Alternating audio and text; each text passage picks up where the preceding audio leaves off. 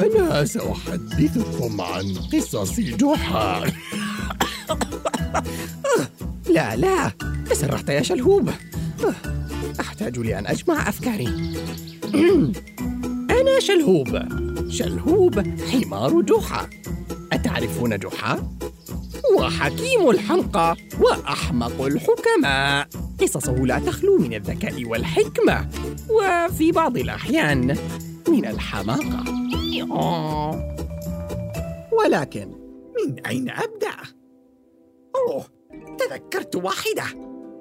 هذه قصة عن ممارسة أدهم لهواية جديدة.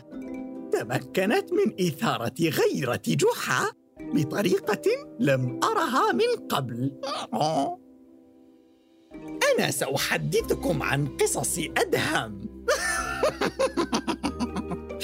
وألطف الكسولين. وأكسل اللطفاء قصصه لا تخلو من الأدب والظرافة كما أنها لا تخلو في بعض الأحيان من الكسل وعدم بذل الجهد. آه أو في معظم الأحيان. ما أحاول قوله هو أن أدهم طالما كان فتى مؤدبا وطيبا ولكنه كان أيضا هزيل البنية ومنحني القامة. والحق يقال كان ذلك لأنه كان كسولا ولا يحب أن يبذل أي نوع من الجهد البدني. إلى أن بلغ ثلاثة عشر عاماً إذ بدأ أدهم يمارس هواية جديدة وهي المصارعة. فالتحق بدروس كانت تقام في ساحة في القرية وسرعان ما أصبحت المصارعة اهتمامه الأكبر. فكان يذهب للتدريب كل يوم بعد المدرسة. وحتى في أيام العطلة الأسبوعية. غريب كان يقضي كل وقته في التدريب ولم يكن يراه جحا وكريمة إلا في أوقات الأكل. وكان معجبا للغاية بمدرب المصارعة رعد الذي كان مصارعا محترفا قبل أن يتقاعد ويبدأ بتدريب هذه الرياضة الشائقة. فكان أدهم يتحدث عنه دائما وقضى والداه الكثير من الأوقات وهما يستمعان إليه يقول اليوم علمنا المدرب رعد هذه الحركة الجديدة. و عندما كان المدرب رعد مصارعا محترفا كان يسافر حول البلاد ويصارع أشرس المصارعين من جميع المدن والقرى. ومع مرور الأيام واستمرار ذلك الحال آه بدأ جحا يشتاق إلى قضاء الوقت مع ابنه الذي كان دائما منشغلا عنه. فقال له ذات يوم يا سلام يا أدهم لقد بدأت عضلاتك بالظهور. ثلاثة وعشرون.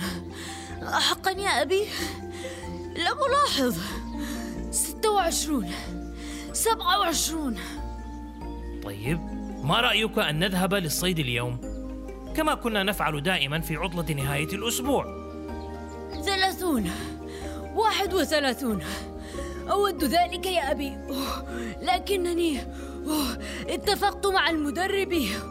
رعد أوه، أن نلتقي. لنتمرن بعد العصر. سبعة وثلاثون. ثمانية وثلاثون. آه نعم. رعد. طيب لما لا تستريح قليلا؟ ونذهب معا للسوق لتناول فطائر العسل التي يصنعها الخباز يوم الجمعة إلى أن يحين موعدك مع المدرب رعد. خمسة وأربعون ستة وأربعون الفطائر مليئة سكرا يا أبي وأنا أتبع حمية صحية. وصفها لي المدرب رعد كي أحافظ على لياقتي. أوه، واحد وخمسون. اثنان وخمسون.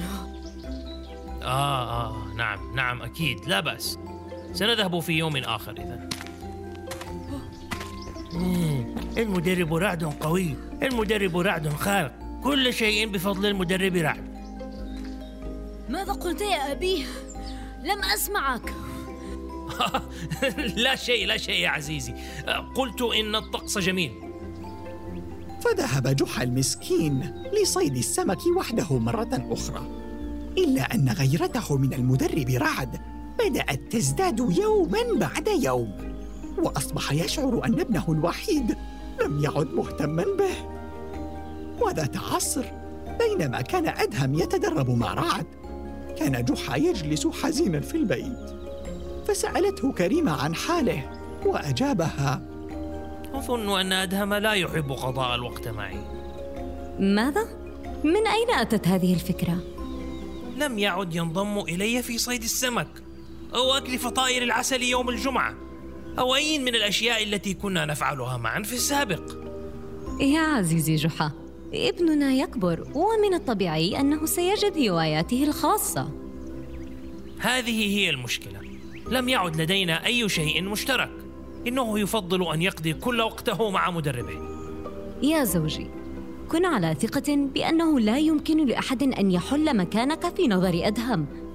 فأنت أبوه ولن يغير شيء أو أحد ذلك أبداً. ومع أن كلام كريمة كان صحيحا لم يقتنع جحا. وما زال مصرا على أنه لن يستعيد حب ابنه إلا إن وجد طريقة لنيل اهتمامه.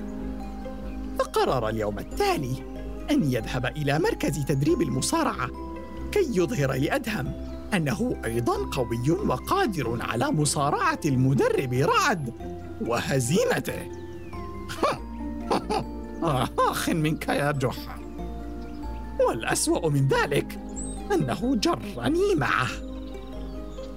فلما وصلنا إلى حلبة التدريب الخارجية رآنا أدهم فتفاجأ وقال وهو يركض باتجاهنا أبي ما الذي تفعله هنا؟ أه، حصل شيء ما؟ هل أمي بخير؟ أوه نعم نعم يا بني كل شيء على ما يرام وأمك بخير لكن أردت أن أشاهد تدريباتكم لا أدري إن كنت تعلم هذا الشيء ولكنني كنت أمارس المصارعة أيضا في صغري أه حقا؟ حقا. ليس حقا لا. جحا لم يمارس أي نوع من الرياضة يوما في حياته. آه على أي حال كان قد سمع المدرب رعد كلامهما فاقترب إلى جحا قائلا. آه كم هذا رائع. لا عجب إذا أنا أدهم موهوب لهذه الدرجة. تفضل أرجوك يا سيد جحا. آه, آه ممتاز. سأجلس هنا بينما تتدربان. فجلسنا أنا وجحا نشاهد التدريب. وقد أعجبت كثيرا بما رأيته من تشويق وحماس. فقد كان المدرب رعد يهجم على أدهم. فيقوم أدهم بالتصدي له بقبضة فولاذية المتانة. ثم يطوق عنقه بذراعه.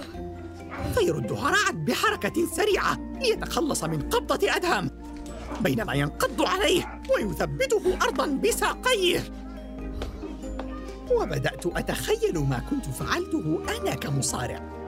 لكنت أبدعت وأضفت بعض التعديلات لأصبح أكثر المصارعين حماساً. فبدلا من تلك السراويل القطنية الواسعة التي يرتدونها لارتديت سروالا مطاطيا ملونا يجعل حركتي أسهل وأسرع. ولكنت لبست قناعا رائعا لأخيف به خصمي كقناع نمر أو أو أو غوريلا. ولأمرت أن تعزف الموسيقى وتتناثر الزينة عند دخولي للحلبة. ولكنت أعطيت نفسي اسما مستعارا مرعبا كملك الحلبة مثلا أو أو أو أو, أو الوحش المدمر أو شلهوب المفتول. ولكن بينما كنت أحلم لم أنتبه لما كان يحدث في الواقع. فكان أدهم يواجه صعوبة في التخلص من تثبيت رعد. فاضطر إلى أن يستسلم. آه. وعندما نهضا قال أدهم للمدرب. دائما أواجه صعوبة برد تلك الحركة. ما عليك. تحتاج فقط أن تعتاد على الوضع وأن تتذكر أن تمسك بذراع خصمك لتحاول أن تقلبه أنت موهوب يا أدهم وتتعلم بسرعة هائلة. ولم ألاحظ نهوض جحا من جانبي وهو يتجه نحو الحلبة إلا بعد فوات الأوان. آه